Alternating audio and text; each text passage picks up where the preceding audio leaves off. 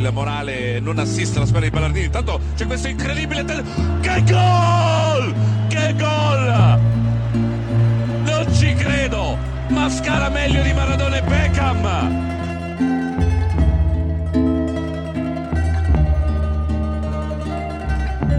Ja hoor, daar eh, zijn we weer met eh, de vierde aflevering van dit eh, seizoen van Lo Stadio. Veel te bespreken denk ik. We nemen nu op op woensdagavond om een, om een uur of zes. Welkom Sander. Ja, dankjewel. We hebben er weer zin in. Het is een beetje pas en meten elke week, maar het lukt hè. Het lukt weer. Zeker. En ook, en ook welkom Wes. Goeie, goedenavond.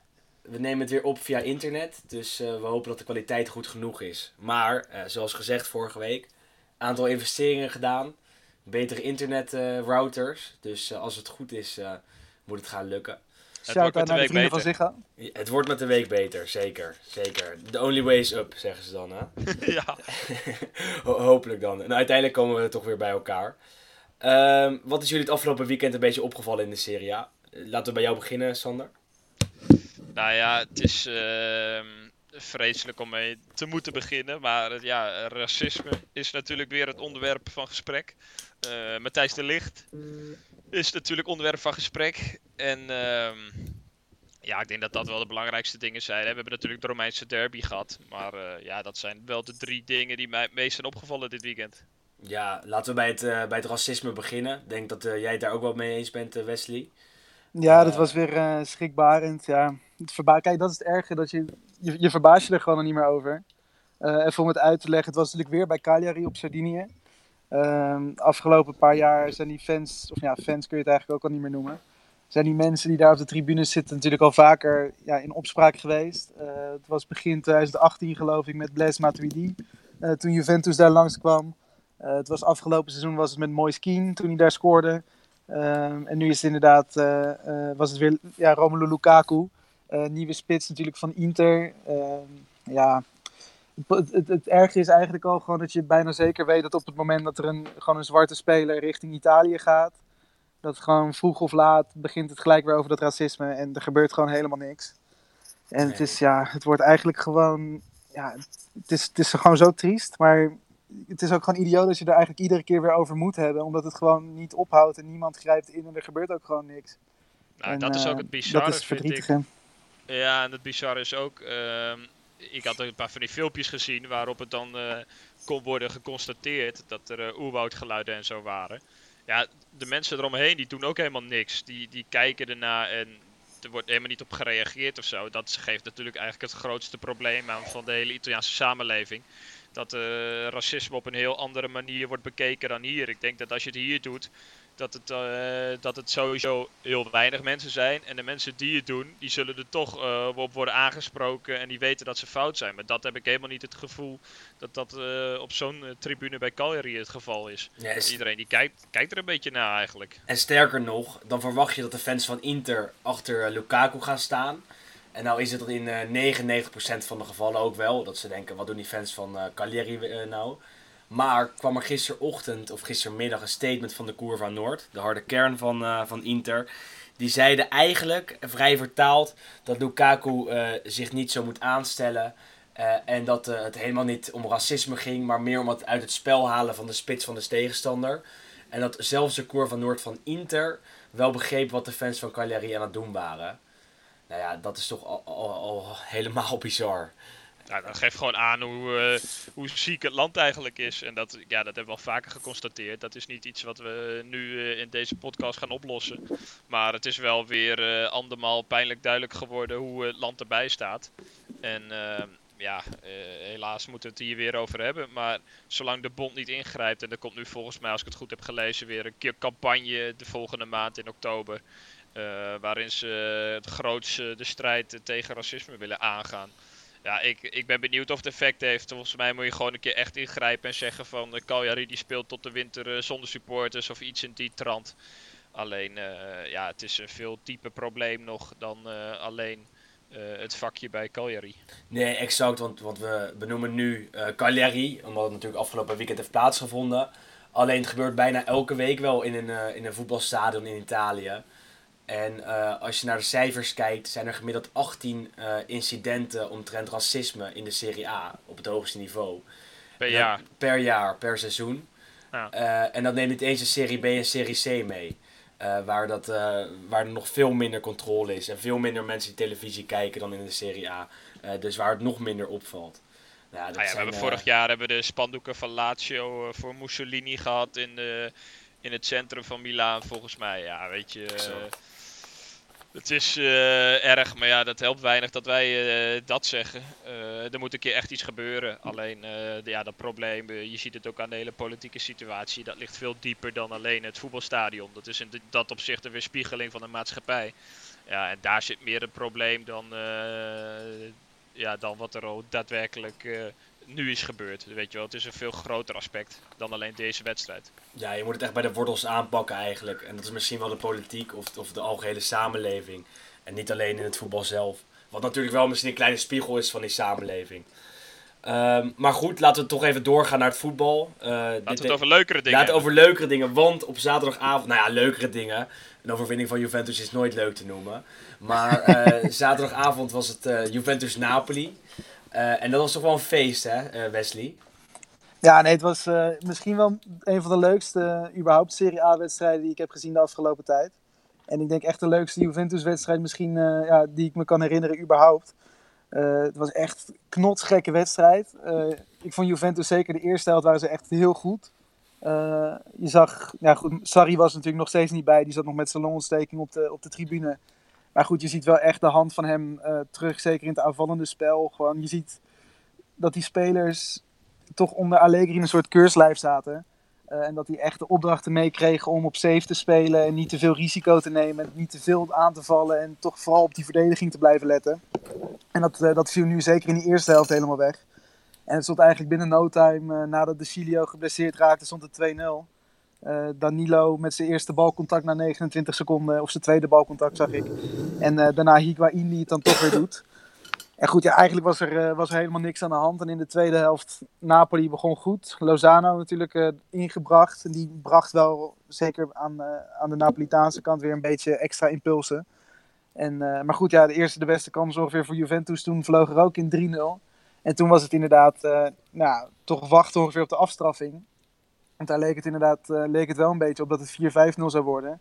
En eigenlijk binnen, ja, wat is het, 13 minuten, 14 minuten stond het opeens 3-3. En uh, ja, toen nog die knotsgekke, knotsgekke slotfase. En toen was Matthijs de Ligt toch niet de, minst de, de meest ongelukkige verdediger op het veld.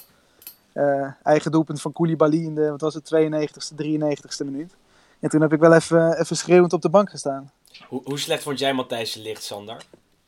Nou, het viel me wel op dat heel Nederland tegenwoordig de Serie A kijkt. Ik, zie, het nog niet, ik, zie, ik zie het nog niet echt terug in de kijkcijfers, maar uh, heel Nederland heeft er ineens een mening over. Dus dat is uh, in ieder geval leuk. Ja, uh, tuurlijk heeft hij. Nou, ik denk dat hij bij één goal echt schuldig was. Dat was. die van Lozano. Die, die van Lozano. Daar ja, maakte hij echt gewoon een fout. en ja, die andere het is een beetje makkelijk om het op de nieuweling af te schuiven. Natuurlijk we zag er niet ijzersterk uit bij die andere twee goals. Maar ik vind Bonucci ook wel veel te simpel. Hoor. Want die zie ik alleen maar uh, wijzen naar de licht en wijzen naar mensen om zich heen. Nou ja, als hij als uh, overgebleven veteraan daarachterin, dan mag hij ook wel iets meer leiding geven dan dit. Dit, dit, dit was volgens mij precies zoals Bonucci is zonder uh, Chiellini naast hem. Dan, dan, krijg je ongeveer deze ellende. Ja, het is algemeen bekend dat Bonucci vaak foutjes maakt. Volgens hen ook de, de, de slechtere van het duo Bonucci-Chiellini dit uh, leek weer een beetje op de Benucci bij Milan. Uh, dus dat is de Benucci zonder Chiellini. En ja, dat is gewoon niet per se uh, wereldtop. Maar ja, los daarvan, heel ongelukkig debuut natuurlijk voor, voor de licht. Alleen hij krijgt wel een beetje de schuld van drie tegengoals. Terwijl ik, ja, ik, ik vind het in principe één van de drie. En die andere, nou niet direct schuld, maar een beetje schuld. Alleen ja, het heeft gewoon wat aanpassing nodig. En ja, ik ben benieuwd of hij dat uh, krijgt. Ik ga er vanuit van wel. maar, maar, goed, dat vond ik eigenlijk ook het rare. Dat hij gewoon links, zeg maar, een, aan de linkerkant uh, centraal achterin stond. Bij Ajax speelde hij natuurlijk altijd naast Blind. Die stond dan altijd links en Matthijs ligt rechts. Uh, Zijn Ronald Koeman ook, hè? Die, ja, nee, natuurlijk, maar is goed. Maar dat is natuurlijk ook wel. Ik, ik snap ook wel aan de andere. Ik denk dat er voor beide dingen wel iets te zeggen valt. Want goed, het is natuurlijk als je een rechtspoot bent achter in dat centrum, ben je natuurlijk wel echt verantwoordelijk voor de opbouw. En ik denk, ja, ik denk dat dan inderdaad Sarri en Martucello toch hadden besloten dat, die, dat ze die druk misschien niet bij Matthijs de Licht wilden leggen. Maar Nou, goed, dan, zet je, dan zet, je, zet je inderdaad dus aan die linkerkant. Maar goed, daar heeft hij nog ja, minder ervaring. Plus dan Ik moet je inderdaad dat, ook nog eh, eens met... eh, ja, het zag er niet optimaal uit in ieder geval. Ik had het toch anders Ik- aangepakt. Ik denk dat de trainer gewoon naar Bonucci is gelopen en die heeft gevraagd, eh yo, aan welke kant wil jij spelen?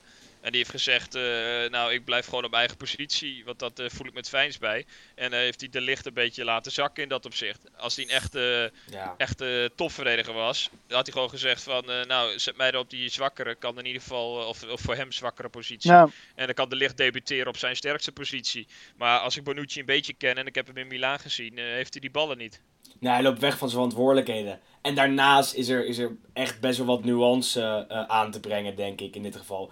Uh, Matthijs Licht kan nog geen Italiaans. Dat is zeker in de verdediging vrij essentieel. Waar je gecoacht wordt door een Bonucci, die nauwelijks Engels kan. Ehm, en waarmee je toch een, eh, een goed koppeltje moet vormen. En, en daarnaast kreeg de Licht pas op vrijdagavond of vrijdagmiddag te horen... Dat, eh, dat hij in de basis zou starten. Eh, zaterdag nog een, eh, nou, waarschijnlijk een kleine voorbereiding gehad. Maar als je dat pas één dag van tevoren te horen krijgt, dat je tegen de absolute titelconcurrent opeens in de basis moet starten. Nou ja, is toch dat wel, dat wel heel erg moeilijk. En dan, dan heeft hij het een helft goed gedaan. En de tweede helft stort hij toch absoluut in. Dat is echt, echt zonde. Maar dat bedoel ik ook. Ja, dan had eh, Bonucci ook kunnen zeggen, of de trainer van, nou, weet je, jij gaat eh, spelen op de voor jou mindere positie, maar je weet wat er van je gevraagd wordt.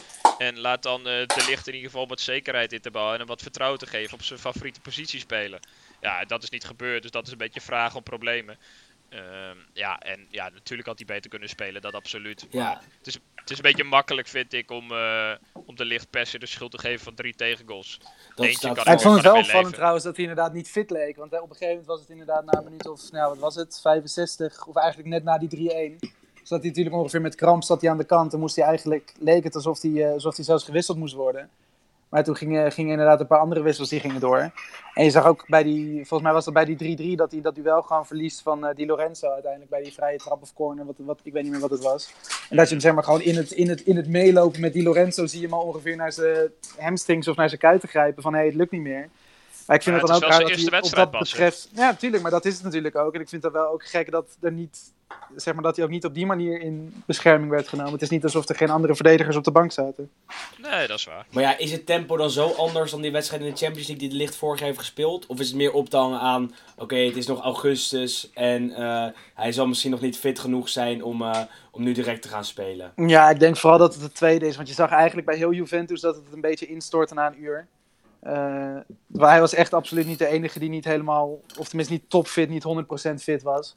En dat zal natuurlijk ook een beetje te maken hebben met de combinatie van ja, gewoon alle nieuwigheden natuurlijk sowieso voor hem en voor de andere nieuwe spelers. Maar ook natuurlijk gewoon de compleet nieuwe looplijnen, spelsystemen en alle ideeën die natuurlijk die Sarri aan het, eh, aan het doorvoeren is daar. En Het ik denk dat het inderdaad gewoon nog een paar weken nodig heeft. Weet je, kijk, we zijn nog zo vroeg in het, eh, in het seizoen. Over drie weken begint de Champions League wel alweer. Maar, ik, of twee weken. Maar ik bedoel, het, is, eh, het, het leek inderdaad niet alsof ze, alsof ze, er, alsof ze topfit waren.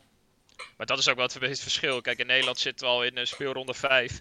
In Italië zijn eh, we eigenlijk pas net begonnen. En zo de licht die heeft, eh, denk ik, één hele voorbereidingswedstrijd gespeeld. Max. En dan nu meteen eh, tegen Napoli de hele wedstrijd. Ja, dat maakt het allemaal niet heel makkelijk voor hem. En dan nog even het debuut van Lozano. Terwijl iemand van jullie aan het koken is, volgens mij. Ehm, het debuut... Ik niet, hè? De sushi die komt straks pas, toch? Ja, ja dat duurt nog even. Anders zijn ze wel heel vroeg. Eh, maar goed, Lozano die kwam in de tweede helft in bij Napoli. eh, maakte zijn debuut. Scoorde direct. Maakte wel een goede indruk toch, eh, Sander? Ja, fantastisch. En ja, ik denk echt dat hij het helemaal gaat maken daar. Bij PSV waren ze toch enigszins blij, tenminste van, nou, blij dat hij weg is, omdat hij heeft eigenlijk maar één seizoen echt goed gedaan. Alleen, ja, Van Bommel die stelde hem ook niet echt op op zijn meest favoriete positie. Eh, dat deed trouwens eh Ancelotti ook niet, want hij bracht hem een beetje in als soort van tweede spits achter Mertens vanaf de rechterkant. Hij was niet echt een vaste rechtsbuiten, maar ook niet echt een spits, een beetje ertussenin. Maar hij vulde het fantastisch in eh, en ik denk dat hij heel goed bij Napoli past. Ook weer zo'n klein mannetje voorin en hij is snel, super bewegelijk, goede actie. Ja, ik denk echt dat hij daar echt gaat maken. Ik denk echt een Napoli-speler. Dynamisch, goed in op de counter. Eh, een neusje voor het doel, zoals je dat zo mooi zegt. denk ik echt dat hij daar wel als sterspeler kan, eh, kan gaan uitgroeien de komende, de komende jaren, de komende seizoenen. Moet hij zichzelf eerst wel even in de basis knokken. Voor wie zie jij hem als eerste in de basis komen, Wesley? Ja, goed, want we hebben natuurlijk vorige week al een beetje gezegd dat hij uh, natuurlijk op termijn is gehaald als ja, vervanger van uh, José Callejon. Vind ik zelf vind ik een, uh, een van de meest on ondergewaardeerde spelers in de, in de Serie A. Maar goed, dat is natuurlijk wel ook zijn positie. En hij deed het gewoon echt heel goed. Want vanaf het moment dat hij erin kwam, nou goed, op, niet eens alles ging via hem. Maar je merkte gewoon echt dat Juventus echt achteruit moest. Ehm, dus ja, ik verwacht wel dat hij het inderdaad gewoon uh, toch wel tot minimaal. Nou, ik, heb even dus gelijk een polletje op Twitter gegooid toen. Met hoeveel doelpunten en assists hij ongeveer gaat maken. Of er minder of meer dan uh, 15 zullen zijn. Ik denk zelf meer. De 225 mensen die hebben gestemd, denken minder. Maar uh, ik denk inderdaad dat hij dit seizoen makkelijk wel aan, dat, uh, aan zulke getallen zal komen. Ondanks dat hij misschien niet alle wedstrijden in de basis zal starten. En waarschijnlijk ook dan inderdaad een paar keer vanaf de bank erin komt. Maar als hij dat zo, zo doet nu als tegen Juventus, dan uh, is dat denk ik geen enkel probleem. Gewoon in het roulatiesysteem waarschijnlijk. Ja, nee, goed, dat is natuurlijk wel het voordeel nu met Ancelotti. Want bij Napoli was het natuurlijk, ja, hij speelde eigenlijk met 12 man het hele seizoen. En uh, nummertje 13 tot en met 22, die kwamen eigenlijk amper aan spelen toe. En je ziet nu bij Ancelotti dat hij wel durft te wisselen. En het, en het ook gewoon wat vaker doet. Um, dus dat is natuurlijk ook wel positief voor hem. Genoeg over Juventus-Napoli, denk ik. Um, en wat wel zo is, nog even toch wel het laatste dingetje. Dat zolang Juventus zulke soort wedstrijden blijft winnen, ook al is het met een eigen doelpunt in de 93e minuut, zullen ze gewoon kampioen worden. Vrees ik. Ah, dat vind ik wel het, uh, wat is ook alweer de, de slogan van Juventus, Fino alla fine. Ja, dus, absoluut. Uh, knallen tot het einde en uh, pas, pas opgeven als het eindsignaal heeft geklonken. En dat is wel weer andermaal bevestigd ja. met dit, weet je wel. Het zit dan ook wel weer allemaal mee, maar dit is echt, dit was zo typisch Juventus. En Tuurlijk zorgt het uh, ook regelmatig, zeker bij supporters van de andere kant, voor frustratie. Hebben we natuurlijk uh, hier in Nederland met PSV uh, ook gezien. Als ja, ze dan in de 93 minuten weer een goal maken. Alleen het is ook echt oprecht een kwaliteit dat je altijd maar door blijft gaan. En ja, nu hebben ze zoveel geluk dat zelfs Koulibaly, een van de betere verdedigers in de Serie A, die bal in eigen goal schiet. Maar ze geven gewoon nooit op. En deze winnen ze weer. En ze staan dan weer punten los van, van Napoli. En van de rest. Ja, dat krijg je als je nooit opgeeft. Dat is wel echt heel knap. Het is de kwaliteit van een kampioen. En dat zag je in Nederland ook op een gegeven moment bij, volgens mij bij FC Twente toen ze kampioen werden. Dat ze altijd in die laatste minuten scoorden. En dat zien we de afgelopen jaren ook vaak bij Juventus. Je zag het bij PSV vaak. Nou ja, wat je denkt, als, ook al spelen ze zwak, ook al spelen ze de tweede helft heel erg slecht. En ze winnen toch en dan hebben ze drie punten in de pocket. Uh, een dag later, op zondag om 6 uur, was misschien ook, nou ik wilde zeggen, een nog mooiere wedstrijd. Uh, dat zag je niet in het scoreverloop, maar wel in uh, het, aantal, uh, de, het aantal ballen dat op de paal eindigde. in een half uur werd er bij Lazio Roma vijf keer op de paal op de lat geschoten. Jullie de wedstrijd gezien? jij Wesley? ik was, even kijken, het was zondagmiddag en ik zat toen lekker in een Italiaans restaurant, dus ik heb die gemist. Uh, rond nou, niet rond een uur of zes al, maar goed, ik heb de wedstrijd niet gezien toen. Dus ik heb hem, uh, ik heb hem maandagavond nog even teruggekeken. Zeker ook nadat ik uh, hoorde wat voor spektakelstuk het was, zeker in de eerste helft. Maar het ging inderdaad, zeker die eerste 25 minuten, was inderdaad ja, vijf keer die bal op de paal en de lat. En dat ging echt, echt alle kanten op. Volgens mij waren er 21 schoten in totaal in de, in de eerste helft. Waren er nog nooit zoveel geweest in een editie van Lazio tegen Roma. Dus dat zegt natuurlijk ook wel iets over die wedstrijd. Een soort uh, Engels, Engelse wedstrijd was het. Zonder de, de fysiek, maar met de end-to-end uh, stuff, zoals ze zo mooi zeggen in Engeland. Echt zo zo. Ja, ja, ja, ja. ja. Internationaal. Internationaal. Engelse studie afgerond, hè, jongens. Ah ja, nee, dat zal uh, Maar je zag het echt in het tempo, dat was echt niet normaal. Laat zo iets sterker, iets gevaarlijker voor het doel. en Roma op de counter. Jij hebt hem wel gekeken, toch, live, Sander? Ja, ik, ik ging er echt even voor zitten. En het voordeel is tegenwoordig van dat ik een zondagochtendprogramma doe, is dat je dan de rest van de dag lekker op de bankje voetbal kan kijken. Dus de Romeinse derby, ja, ik, ik heb er echt wel van genoten. Uh, het was niet echt de wedstrijd van Ciro Immobile. Die uh, heeft, uh, heeft, volgens mij twee of drie keer die paal geraakt. Maar nee, ja, hij, hij kan er dat wel van genieten. Want hij blijft maar lopen en werken. En dan dat verongelijkte gezicht als hij weer een kans mist. Ja, genieten. Maar vooral Sanjolo bij Roma ook weer. Die heeft natuurlijk afgelopen zomer zijn contract verlengd naar best wel een soap. Werd ook in verband gebracht met andere clubs. En ja, dat is wel echt geniet hoor. Daarvoor zet je echt de tv aan. Die jongen, die, hij is toch super jong natuurlijk. Maar het is echt een nummer 10.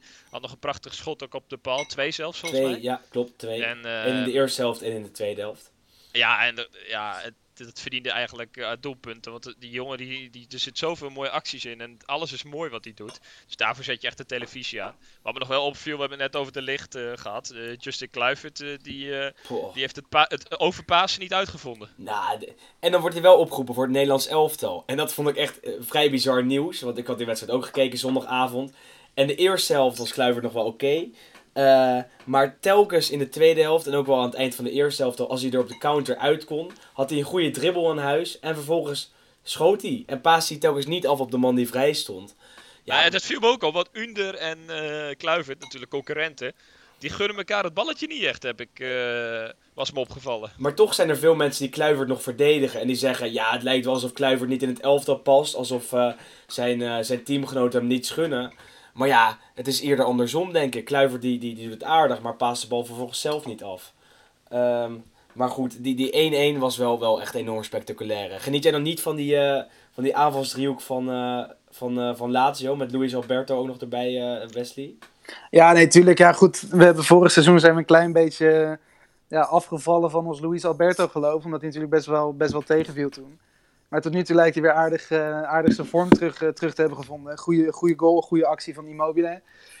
Maar goed, ja, eigenlijk, ik snap ook wel, want Inzaghi eh, gaf na de hand aan, aan de, op de persconferentie dat hij dit nog nooit had meegemaakt. Sowieso natuurlijk de, de derby al zo vroeg in het seizoen. Maar ook dat er zoveel kansen op en, ja, op en neer waren en al die ballen op paal en lat. Dus het was echt een hele bijzondere wedstrijd. Hij vond zelf dat Lazio eh, ja, toch wel de meeste aanspraak maakte op de overwinning. Daar ben ik het ook wel mee eens, denk ik. Maakte nog de winnende, hè? Ja, precies. Had inderdaad nog kunnen tellen. Ik weet, dat, ik Was weet niet eens gelukkig waar... maar twee meter buitenspel. Ja, was het, was Ja, buitenspel ja, of was die bal was- achter? Het was een Was- van de twee nee, het was, het was buitenspel van, eh van. Jordi. Ja, nou ja. En hij was ja, achter. goed. eh, En ja, volgens, mij was hij, volgens mij was hij ook achternaam. Nee, maar goed, ja, ik denk dat Lazio wel verdiend had om te winnen. Maar goed, eh, ja, op basis van de hele wedstrijd, zo'n spektakelstuk verdient dan ook eigenlijk geen, geen winnaar misschien. Eerste keer ooit dat de derby in de tweede speelronde werd gespeeld.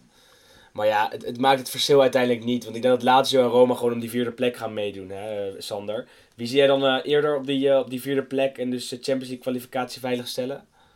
Ja, ik, ik denk eigenlijk eh Lazio heel eerlijk gezegd. Omdat die gewoon echt een eh, stabiele ploeg hebben wat al best wel lang hetzelfde is. Met hier en daar een keer een versterking. En gewoon echt een goede trainer. En Roma, dat zal er wel denk ik iets meer tijd nodig hebben. Alleen ja, dat wordt gewoon een eh, strijd tussen drie, vier clubs denk ik weer eh, voor die plaats vier. Maar Lazio, dat is ja een beetje, omdat ze niet spectaculair inkopen elk jaar, dan worden ze vaak niet opgeschreven. Maar ze hebben echt een leuk ploegje. Zeker wat je net al zei met die aanvalsdriehoek. En achterin, eh, het, zitten echt prima, prima spelers bij. We hebben zelfs met Parolo nu een eh, prima middenvelder op de bank. Die ook nog inviel afgelopen Ja, zondag. klopt. Maar goed, eh, dat over de derby della Capitale van zondagavond. Ehm, een andere kandidaat voor die vierde plek, Atalanta, eh, speelde zelf niet in Bergamo, maar in Parma, thuis wel. En verloor met 2-3 van Torino. Ja, die worden geen vierde. Nee, nee, dat, dat lijkt mij ook niet. Dat lijkt me ook niet. Die, eh, die, die leven een sprookje en dat is, eh, ja, dat kan niet eh, drie jaar duren. Dus ik denk, Ja. ik denk dat ze, als, als je, te- alleen ze spelen ook nog eens niet in hun eigen stadion, wat je al zei. Nee. Dat gaat gewoon punten kosten. En dat, eh, nou ja, nu won Torino met de 2-3 door een winnende goal van Itzo. En dat vind ik wel een mooie gast. Goede die, eh, verdediger uit Napoli. Een hele goede verdediger. En hij lijkt een beetje op Max 6 eh, qua, Ja. ook zo een porno-bruin hoofd. Absoluut, En, absoluut. En dat haar zo gigantisch strak. eh, dat, dat, ik moest even aan Max 6 denken. Dat snap ik wel, ja. En, eh, maar hij kan beter verdedigen dan Max 6 in ieder geval. ja, en zeker ten opzichte van zijn laatste jaren. Maar eh, ja, in principe thuis Atalanta tegen Torino, die hadden ze de afgelopen twee jaar sowieso wel gewonnen, denk ik. Of gaat Wesley me nu weer met cijfers om mijn hoofd slaan? Dat ze, dat ze daar al twee jaar... Dat ze, daar al twee jaar, dat ze daar al twee jaar niet van winnen. Maar dit, dit was wel, ja, voor Atalanta ambities wel een pijnlijke nederlaag. Ja, het is zonde, want, want normaal is hier in eh, dat stadion in Bergamo... Het, eh, ja, het is nu van naam veranderd naar volgens mij naar het Stade Swiss stadion, volgens mij. Het Ik- stadion. Ook het stadion. En eh, ja, ja, het eh, stadio Atleti d'Azzurri d'Italia, normaal gesproken in de volksmond. Eh, daar is echt een topsfeer. En dan kijk je nu, ik, ik heb alleen de samenvatting gezien van Atalanta Torino. En daar zit gewoon praktisch niemand op de tribune. Op de lange zijde al helemaal niet. En alleen de, bij, de, bij de korte zijdes waren eigenlijk bezet, eh, bemand. Ja, dat Maar moet je nagaan, zonde. als je, als je supporter van Atalanta bent, heb je dus echt een fantastisch seizoen achter de rug. En dan moet je dus nu voor de Champions League moet je naar Milaan. Eh, voor de competitie thuiswedstrijden moet je dus hier naartoe. Ja, het is geen pretje om, eh, om dat allemaal te volgen. Eh, som, bij sommige clubs zit in hun eigen stad al geen hond. Staan Ja. als, je, als je dus nog eh, ergens anders naartoe moet. Nou goed, ik wil nog wel even inbreken met de cijfertjes Tuurlijk, inderdaad. Want eh, vier Oh, van de laatste zes wedstrijden heeft inderdaad Atalanta toen thuis niet gewonnen van Torino. Maar goed, Torino doet het wel gewoon echt heel goed. Eh, Ze staan nu eh, gedeeld eerste. Eh, twee gespeeld, twee gewonnen. En eigenlijk is dat best wel... Misschien is dat dan zeg maar het nieuwe Atalanta. eh, of tenminste het Atalanta van vorig seizoen. Dat die ook nog best wel lang daarmee kunnen, kunnen gaan doen. Om die nou, Champions League plekken misschien niet op de lange termijn. Maar gewoon Europees voetbal moet zeker, eh, moet zeker te doen zijn. Want het is echt een rotploeg om tegen te spelen. Oh, en natuurlijk, eh, ja, iets zo, dat is natuurlijk die, eh die pornoster achterin. Dan heb je voorin heb je Belotti natuurlijk, die eigenlijk al, ook altijd zijn doelpuntjes meepikt. Zaza. En je hebt inderdaad heel veel van die vervelende... Voor die spelers Afrikaanse slopers zitten hebben ze. Ja, een Kulu, een eh, Gigi, Ja, het is, het, is, het is gewoon echt een prima ploeg. En, en met Matsari is natuurlijk ook een eh, vrij kleurrijk persoon. Die, eh, Maar je hoeft ja, er niet, eh, hoe je het bent of voor ook gewoon goede, veel ervaring heeft. En ik denk dat dat best wel een leuke, of tenminste best wel een verrassing zou kunnen zijn van dit seizoen misschien. Ja, het voordeel is, ze hebben geen dubbel programma, omdat ze al zijn uitgeschakeld in de Euroleague, Europa League. Ja. Alleen, ehm, ja, dat, dat kan op zich nog wel een voordeel zijn. Alleen, ze hebben echt een vechtmachine. Je hoeft er niet per se een seizoenskaart te kopen voor eh mooie voetbal, want dat ga je niet zien. Maar eh, het, is wel, het is wel echt een knokploeg. Wel een mooie aankoop, aankoop gedaan met de Simone Verdi, die van, eh, van Napoli overkwam. dat is wel mooi. Daar zijn ze volgens mij de hele transferperiode mee bezig geweest. En uiteindelijk hebben ze hem gehuurd. En, en die, dat huurformulier wordt pas één minuut voor de deadline eh, ingeleverd bij de Italiaanse voetbalbond. Dus echt op het Ja, aller, Idrissi werd ook allerlaatste- nog genoemd. Ja, ja, zeker. En die is ook nog bij Roma genoemd. Volgens mij was Torino het meest concreet. Eh, en dat was vooral in het geval als Verdi toch, toch echt niet zou komen. Dat is uiteindelijk toch wel doorgegaan. En dat is wel echt een, echt een topspeler voor Torino, denk ik hoor. Tweebenig. Was bij, bij, eh, bij Bologna, Bologna. twee, drie seizoenen geleden echt fantastisch. Scoorde volgens mij in één wedstrijd een vrije trap eh, met links en ook een vrije trap met rechts. Nou ja, dat zie je niet veel spelers doen hoor. Milan jeugd, hè? Ja, ja, ja, ja, ja. Het is toch weer een speler die ze hebben laten gaan hè. Ja, die zou je op zich wel kunnen gebruiken. Zeker, maar ja, als wat. Voor op de bank, denk ik. Als, als Nou ja, twaalfde eh, man. Oh, prima. Ja. Ehm, en verder nog eh, dingen die jullie zijn opgevallen op zondagavond. Want er waren nog wat mooie duels. Ehm, jij, eh, Wesley?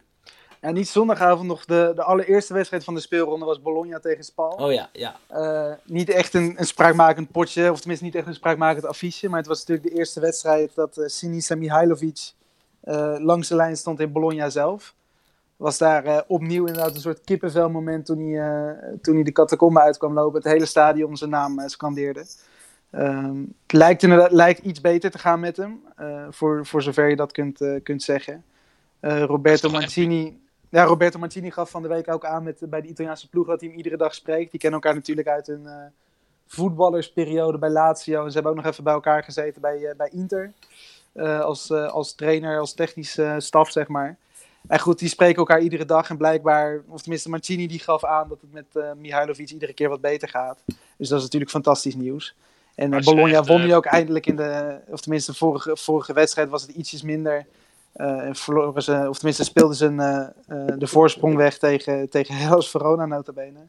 En nu was het tegen die andere laagvlieger Spal was het in de laatste minuut wel raak. Kans op kans. Ja, nee, ze waren wel beter. Maar goed, uiteindelijk eh, gaat hij er dan toch in via het, eh, het broertje van de. We hebben dat ook Soriano. Wel een prima speler is dat ook voor Bologna. Ja, Mi- absoluut. Miste, Nee, dus dat eerst, was, eh, miste eerst twee, drie kansen en pas de vierde ging heen. nou goed, als hij er uiteindelijk ingaat, is het geen probleem eigenlijk. Het is wel bizar dat gewoon een trainer tussen zijn eh, chemo's eh, op, de, op, de, op de bank zit om zijn ploeg te leiden. Als je dat realiseert, dat is, het is super mooi, maar het is ook echt bizar. En volgens, ik heb dat eigenlijk nog nooit eerder eh, gehoord. Ik Jullie ook wel? niet. Nee, nee, absoluut niet. Absoluut niet. Heel, nee. heel erg bijzonder verhaal. Maar was- Mihailovic is ook een hele bijzondere man. Ja, zeker. En Dat, eh, dit typeert hem ook wel weer. eh, maakt zijn status alleen maar groter. Alleen, eh, het is wel eh, super knap en eh, bijzonder. En was er nou een Japanner eh, man of the match geworden? Tomiyasu, Natuurlijk, ja. die is voor, voor veel miljoenen overgekomen uit, uit België. Maar En, waar komen, komen al die Japanners vandaan? Ja, die, en ook goede Japanners allemaal. Hè? Ook in de eredivisie. En dit is ook echt een enorm talent. Waar men in eh, Bologna echt hoog, eh, hoog over opgeeft. Eh, en heeft er gewoon een basisplek daar op rechtsachter. En, en doet doet het blijkbaar heel erg goed. Ehm, dus, dus daar kunnen we veel van verwachten. Want hij is nog jong. Volgens mij heeft, is hij pas 20. Hij is 20 jaar, hij komt inderdaad bij Sint-Truiden vandaan. Eh, en ze hebben in, in, in België is het natuurlijk ietsje soepeler met de niet-EU-spelers. Eh, dus je ziet heel veel dat ook die kleinere ploegen daar aan de haal gaan met, met Japanners. Ehm, en die maken best wel ook vanuit daar go- goede stappen. Je hebt nu intussen heb je bij Genk heb je eh, Ito lopen, geloof ik. Eh, je had een tijdje bij Oostende en inmiddels dan bij Anderlecht. En die is weer een beetje in de vergetenheid geraakt. Dat je Morioka. Dat waren best wel goede spelers daar allemaal. Dus dat scouten in Japan, ja, dat werpt toch zijn vruchten af. En het is een van de weinige Japanners inderdaad, überhaupt in de Serie A. Eh, in, het, eh, in het verleden natuurlijk ook niet zo heel veel daarvan gezien. Maar hij doet het inderdaad heel erg, heel erg goed. En is ook in, inmiddels A-international. Heeft volgens mij ook al best wel aardig wat interlands op zijn naam staan. Dus dat Ja. is wel een leuke, leuke speler om in de gaten te houden. Daar bij het teams van, eh, het team van Mitchell Dijks natuurlijk ook. In ieder geval verzekerd van een basisplek. Net zoals Denswil, net zoals Dijks. Jerdy Schouten heeft nog, eh, heeft nog geen basisplek weten te veroveren. Maar ja, dat, daar had niemand op gerekend ook, denk ik. En Tom Haaien is nog weggegaan, toch? Ja, zijn contract bij Lecce is ontbonden en die is naar een Scandinavisch land gegaan. Kreeg, eh, Ja. kreeg geen speeltijd bij Lecce en eh, heeft besloten te vertrekken. Wel jammer, Nederlander minder in de Serie A. Net, goed, bij eh, Lecce de mis je natuurlijk niet heel veel aan. Je hebt weer verloren natuurlijk. Nee, In de, in de absolute degradatiekraker tegen Verona, die er eigenlijk allebei niet zoveel van kunnen. dat was ook een sfeer, jongen. Maar goed, uiteindelijk vind ik het dan wel mooi, want die Pessina, dat- die maakte dus de winnende. En die wordt dus sinds dit seizoen eh, gesponsord door Pornhub. Oh Eh, ja. ik, ik weet niet of er heel veel kleine kinderen luisteren, maar... Ken jij die is een- website, Wesley? Ja goed, die kwam begin van het seizoen, want hij hij is gehuurd van Atalanta. Eh, hij kwam begin van het seizoen kwam hij aanlopen met een soort sporttas met eh, het Pornhub logo erop. Eh, en heel, ja, heel social media viel er natuurlijk terecht, terecht een beetje over. En dat, ja, Pornhub die, was er zelf natuurlijk ook op een gegeven moment van op de hoogte. En die stuurde allemaal extra merchandise en weet ik veel wat op. Dus Tassen en shirts dus en truien. tassen, pen, hij heeft volgens mij een shirt wat gesigneerd is door iets van acht van die Pornhub pornosterren. Dus ik denk dat die... eh, ja goed, maar het, het werpt zijn vruchten af, want hij maakt nu dus eh, in ieder geval de winnende. En Hellas staat gewoon lekker op een zeven, zevende plek. Dus eh daar valt niks over te zeggen. Vier punten uit twee wedstrijden. Een team dat nog geen enkel punt heeft en dat misschien wel echt absoluut de slechtste indruk maakt, is eh, Sampdoria. Het, het Sampdoria, het meisje van, eh van Juriaan van Wessem. Hoe gaat het daar ooit nog goed komen, jongens? Want, want dit is echt bizar slecht. Dit is wel het, eh, eh, een niet zo mooi meisje, is dit. Jeetje. De lelijkste van de klas. Ja, het is echt, eh, echt bizar. En ehm, nou, we hadden het op basis van de aankoop al een beetje aanzien komen. Dat, omdat natuurlijk best wel wat toppers weg zijn gegaan met die Andersen en eh, Praat is natuurlijk weggegaan. Dus ja, dat waren toch wel sterkhouders. En Quagliarella hebben we natuurlijk vorig jaar veelvuldig geprezen en terecht. Maar ja, die jaartjes beginnen ook langzaam te tellen. Dus ja, dat gaat allemaal eh, niet heel erg van harte daar. En ik heb ook niet echt de indruk dat ze daar eh, nog volop geld in eh, stoppen. Al zeven doelpunten tegen in twee wedstrijden. Ehm, en als je tegen Sassuolo vier doelpunten tegen krijgt, waarvan drie van Domenico Berardi, die eigenlijk alleen maar lijkt te scoren wanneer er een ex-trainer bij de tegenstander op de bank zit, die Francesco. Nou, moeten alle alarmbellen wel afgaan hè, bij Sampdoria. Ehm, maar wat denk je? tegen moeten ze strijden tegen degradatie, Wes?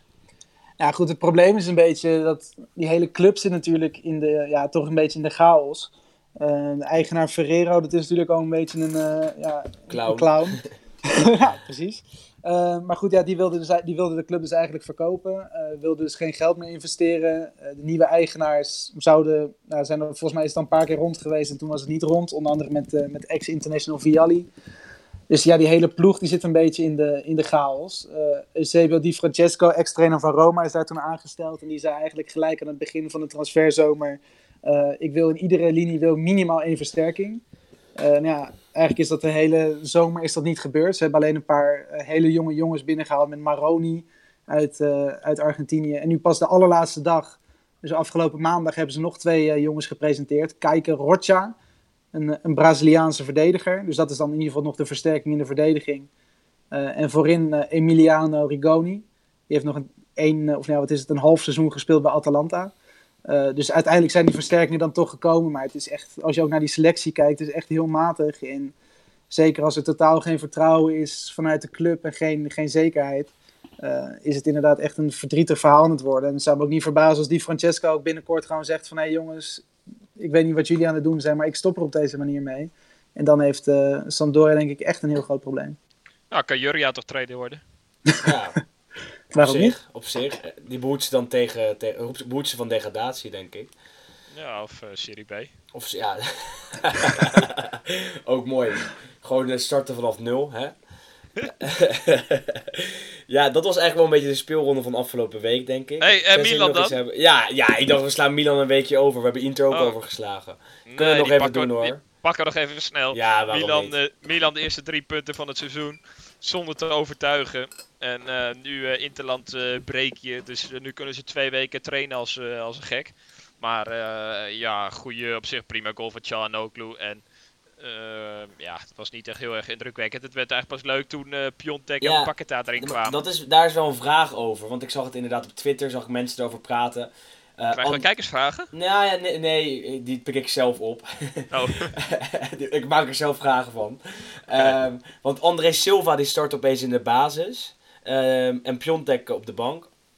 Ehm, Ja, bizar. waarbij mensen zeiden dat eh, ze bij Milan misschien wel gewoon André Silva speeltijd hebben gegeven. Zodat ze bewezen dat hij het nog in de benen heeft. En dat hij het nog kan. Eh, geloof jij er iets van?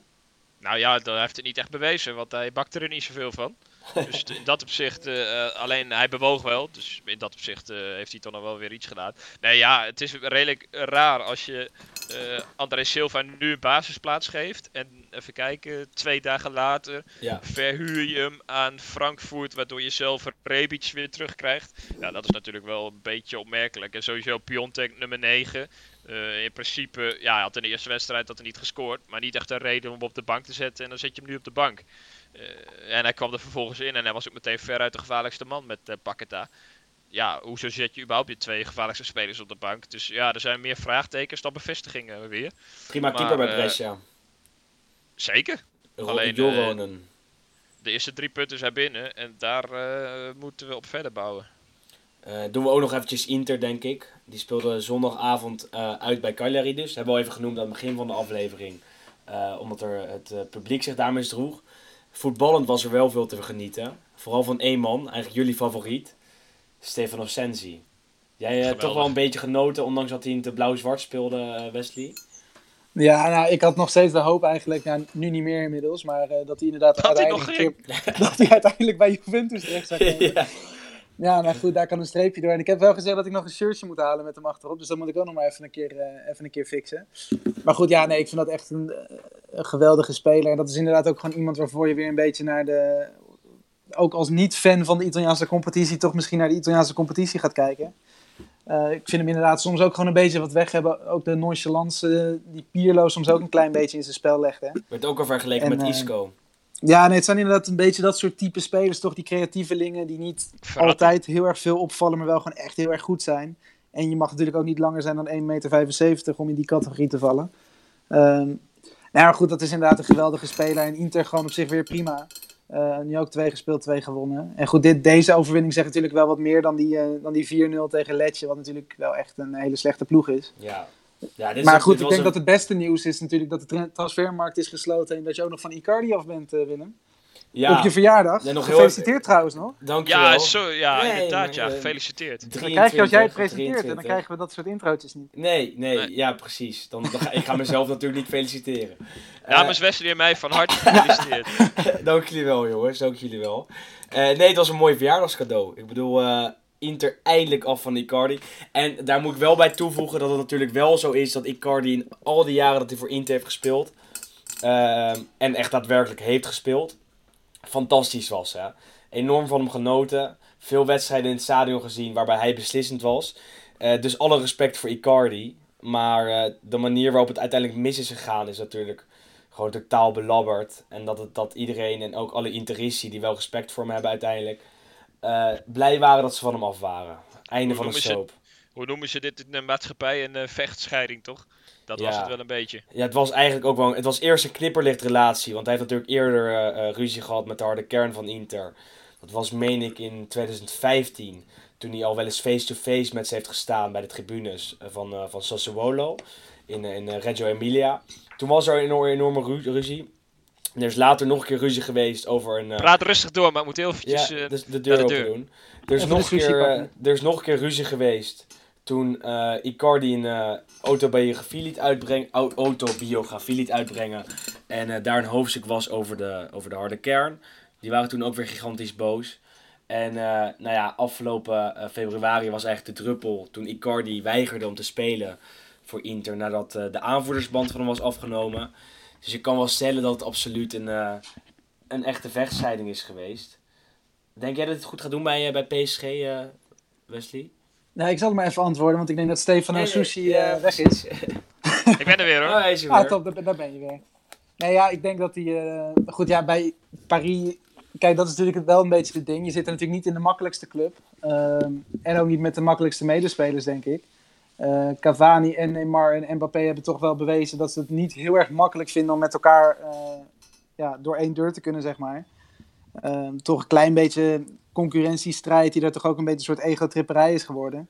En ik denk dat Icardi daar eigenlijk wel, wat dat betreft, fantastisch bij past. Ja. Maar ik denk dat het zeg maar, voor de club en voor de algehele sfeer en dan ook in de kleedkamer vooral, dat dat niet echt een, eh, ja, een goede, goede zet is geweest. Maar goed, ja, kijk, Inter wil van hem af en Paris die, eh, die zocht nog een spits, ook vanwege eh, eh, het begin van het seizoen dat ze met Choupo-Moting daar in de spits hebben moeten spelen. Eh, dus dan is dat denk ik wel voor beide partijen gewoon de beste oplossing. Wel een bankzitter Ehm. daar, denk ik. Ik denk niet dat hij, eh, dat hij Cavani uit de baas gaat spelen. Ja, goed, het zal een beetje. Ik vind ze toch wel van gel- gelijkwaardig niveau. Maar ja, goed, Cavani is daar natuurlijk wel gewoon nu al de grote, de grote meneer. En die heeft zich natuurlijk daar al wel bewezen. Ehm, maar heeft goed, ja, het is ook een beetje de fitheid. nodig. Ja. Wat zei je, Sander? Oh, sorry, ja, Icardi Ja. heeft altijd, of eh, sorry, Cavani, die heeft altijd wel eh, vijf kansen nodig. En bij Icardi is het over het algemeen wel eh, één kans is een goal. En dat weet jij als geen ander. Ja, da- daar weet ik alles van. Nee, ja, en ik zag wel weer een eh, berichtje van Neymar, toch? Over zijn band met Maxi Lopez. Ja. Dat, ja, het, het val met Icardi en Maxi Lopez kennen we natuurlijk allemaal. Dus dat wordt weer gezellig daar in de kleedkamer. Zeker, zeker. Nou ja, genoeg over Icardi. Eh, een laatste dingetje dat ik nog even wil behandelen is de Champions League loting. Waarbij er natuurlijk vier eh, Italiaanse ploegen meedoen. Eh, zien jullie eh, ze alle vier doorgaan? Ja, ik ga eh, even die loting erbij pakken. Ja, Een momentje. ja nee, ik, ik, zal het, ik, ik heb ze voor mijn neus al. ik heb ze getweet van de week. dus ik, Atalanta eh, zit ja. bij eh, Dynamo Zagreb, Manchester City en eh, Shakhtar Donetsk. Nou, op zich moet daar toch wel een plek 2 in zitten, Sander. Ja, alleen is Shakhtar ook altijd wel eh, goed. En die zijn elk jaar eh, gewend om in de Champions League te spelen. Dat is Atalanta natuurlijk niet. Dus ik, ik vrees een beetje voor plaats 3, zeg maar, Atalanta. Atalanta City net San Siro, dat is wel echt prachtig. Eh, ik kreeg al veel vragen van mensen over eh, de kaartverkoop. Ja, hoe krijg je kaarten, Willem? Ja. dat is echt niet normaal. Ik, wil- ik wil er niet, eh, niet te veel over uitweiden, maar ik krijg daar zoveel vragen over, jongen. Eh, ik, weet het, ik weet het vaak gewoon niet. De, eh, de tip voor iedereen die aan het luisteren is en een vraag aan ons wil stellen over de kaartverkoop bij Italiaanse ploegen, is dat je de eh, website in de gaten moet houden. Dat het altijd loont om een clubkaart aan te vra- vragen bij de club waar je naartoe wil. En dat je altijd nog, en vooral bij wedstrijden de Serie A, als het niet een al te grote wedstrijd is, kaarten kan kopen aan het stadionloket of bij de club, clubshop. Eh, dat is eigenlijk het antwoord dat we altijd standaard kunnen, ge- eh, kunnen geven. Wil je dan toch een kaartje op internet kopen, moet je even naar vivaticket.it. Dat is namelijk de distributeur van bijna alle eh, kaartjes van Italiaanse voetbalclubs. Eh, hebben dat... Je hebt ook nog lease ticket, toch? Ja, dat bestaat niet meer. Dat Ja, het is nu oh. Ticket One. dat is heet Ticket. One. Dus je moet naar Vi- Viva Ticket of Ticket One. Daar even zelf kijken welke Italiaanse club waar zit. Eh, en je kan ook nog altijd even op de clubwebsites eh, kijken. Want Inter en Milan regelen dat bijvoorbeeld zelf eh, via de, club, via de clubwebsite. Maar Willem, Eh, ik heb een vraag. Ja, vertel.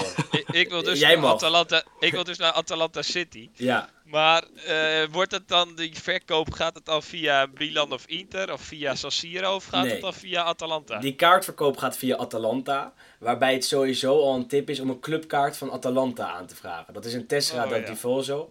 En eh, die heet bij Atalanta vast weer anders. Die naam weet ik niet uit mijn hoofd. Maar stel je hebt zo'n clubkaart, kom je er vaak wel tussen. En zeker in San Siro.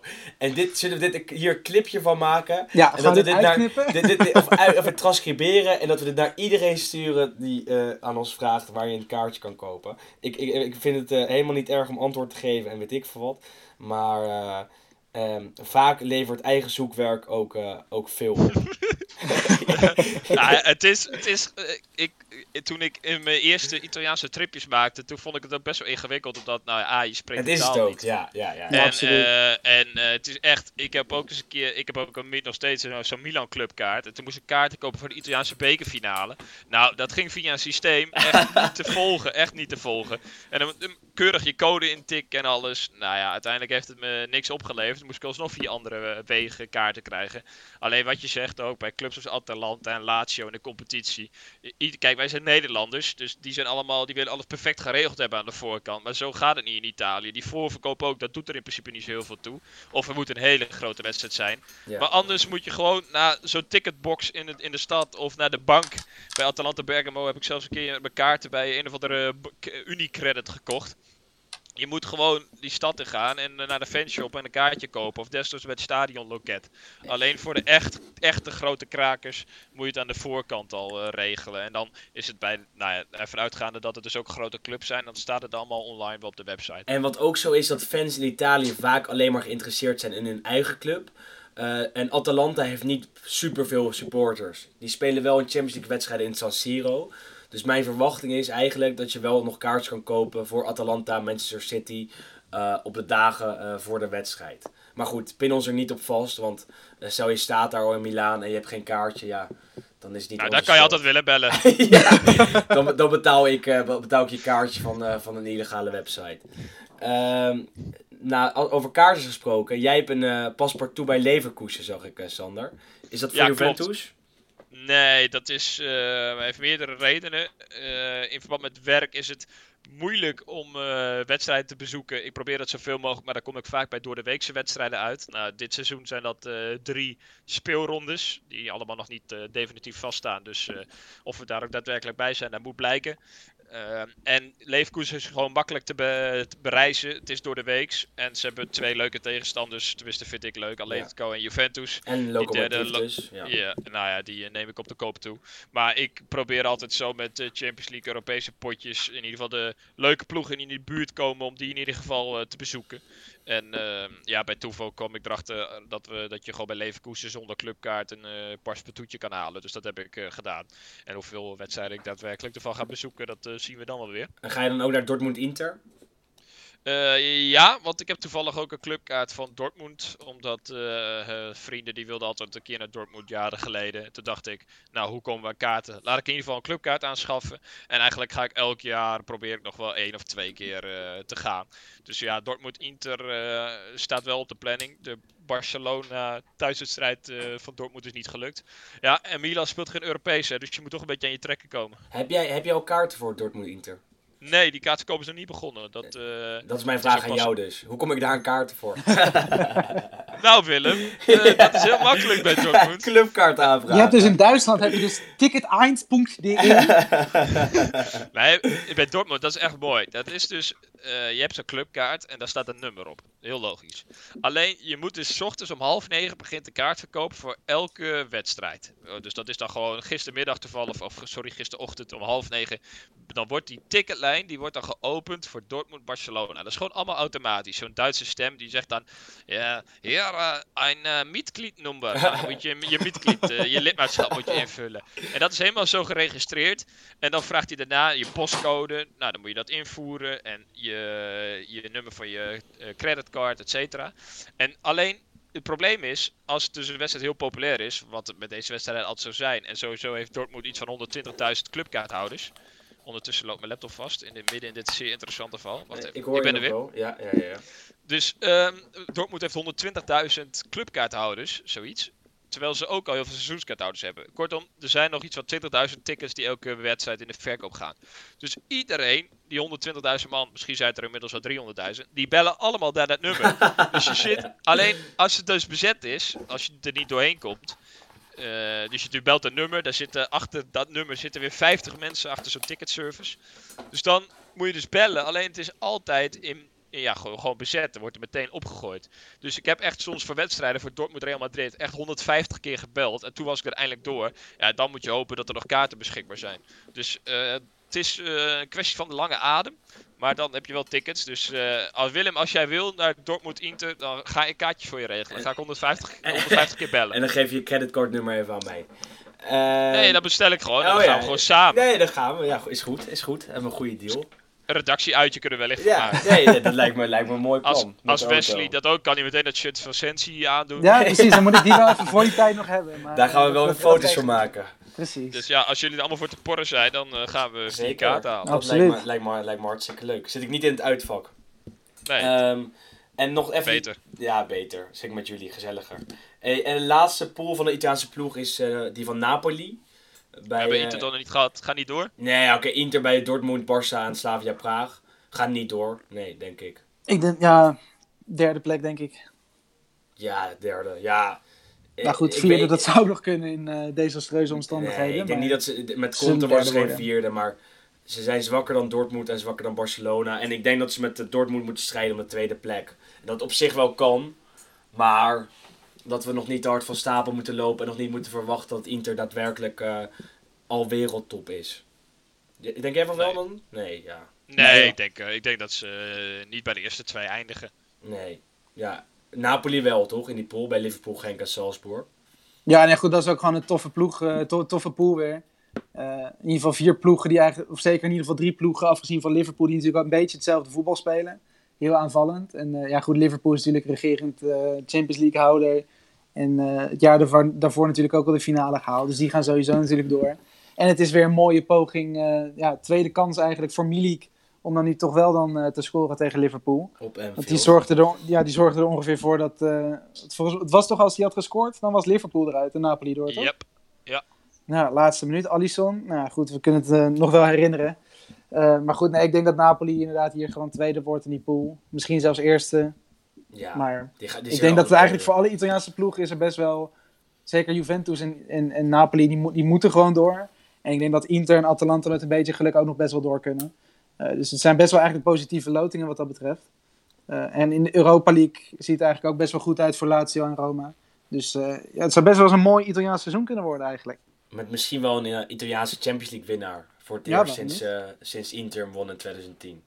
Mag genoemd worden. Ehm, ja, dat was hem weer voor deze week, denk ik. Ja, we hebben het meeste wel gehad, denk Toch? ik. Ja. Komen er nog krakertjes eh, komend weekend? Nee, Zeker. Fior- nee we hebben eerst oh ja, we moeten nog een weekje wachten. Ja. we gaan naar Italië helaas. toe. Armenië en. Finland staan op het menu. Ja, Ga jij daar naartoe? Nee, ik ga er niet naartoe, ik ga wel kijken. Nee, maar dacht- goed, Ar- Armenië-Italië is morgen al. Ik eh, heb besloten om niet af te reizen naar eh Jerevan. Ehm, maar goed, op zich... eh, dit, dit keer niet. Met het, Wesley, hoe kom... met het kaarten? Hoe komen maar kaarten? Oh, ik zie hier trouwens de naam van het stadion waar ze gaan spelen. Dat is ook leuk. Het Vasgen Sarsgian An van Hanrapetakan Marzadast. Ja, Die sla ik even over geen dus. kaarten voor. Nee, goed, ja, Italië is nu zeven wedstrijden op rij, of acht wedstrijden op rij ongeslagen en de laatste vijf gewonnen. En die moeten zich nu natuurlijk wel weer gaan kwalificeren voor, het, eh, voor een eindtoernooi.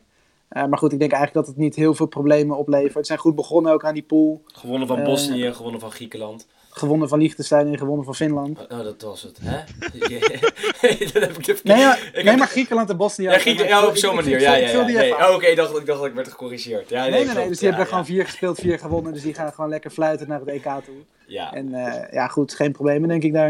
Het zijn verschrikkelijke wedstrijden. man. Ja, jeetje. Ja, uit bij. Armenië, dat, dat, daar gaat niemand naar kijken, denk ik. Dit eh, doet me beide denken aan de Oranje Vrouwen gisteren tegen Turkije. Ja. Ja. Het wordt niet, eens, ja. wordt niet eens uitgezonden, zo erg is het zelfs. Eh, het is Nergens dat je het kan zien. Trekt, eh, trekt niet veel kijkers. Nee. Oké jongens, zien wij elkaar eh, denk ik volgende week weer. Als we, ja, als we toch weer de zin hebben gevo- gevonden om over die interlands te praten. De zin van het leven terug. Ja, zeker. zeker. Als, als het zonnetje weer heeft geschenen. Ehm, wij, We hebben trouwens nog wel één ding vergeten. Nou, zeg het maar. Het epische spitsenduo bij Brescia. Ja, Balotelli, Matri. Daar ga ik, toch, eh, ga ik toch voor zitten. ex-Milan. Hey, en waar we ook voor gaan zitten is eh, nog even de column van eh, Juriaan van Wessem. De- Over de degradatie van Sampdoria in 2020. nee, Dat hebben we niet aangedaan. Deze week was het eh, 30 jaar geleden dat eh Italiaanse verdediger Gaetano Chirea overleed. En eh Juriaan heeft daar een, eh, een, een, eh, net als altijd eigenlijk weer een prachtige column over. Daarmee sluiten we af. Wij zeggen jullie hierbij gedag en eh, tot volgende week. Tot de volgende. Tot de volgende. Het is deze week 30 jaar geleden dat de uitzending van La Domenica Sportiva op een zwoele zomeravond werd onderbroken door een droevig bericht. Presentator Sandro Ciotti las het telexbericht voor en kon in de laatste zin zijn emoties niet meer de baas. Gaetano Chirea was overleden, ver van huis op een tweebaansweg in Polen van Lodz naar Zabrze. Hij was omgekomen bij een verkeersongeluk omdat de taxi die hem vervoerde in brand was gevlogen. Later zou blijken dat de achterbak vol zat met jerrycans met benzine, omdat er toen niet zoveel benzinebompen waren in Polen, dat immers nog achter het ijzeren gordijn lag. Chirea was in dat land om een tegenstander van Juve te scouten. Hij zou dus nooit meer thuiskomen. Het nieuws verwonde het Italiaanse voetbal. Over de doden niets dan goeds, maar over Chirea viel echt niets slechts te verzinnen.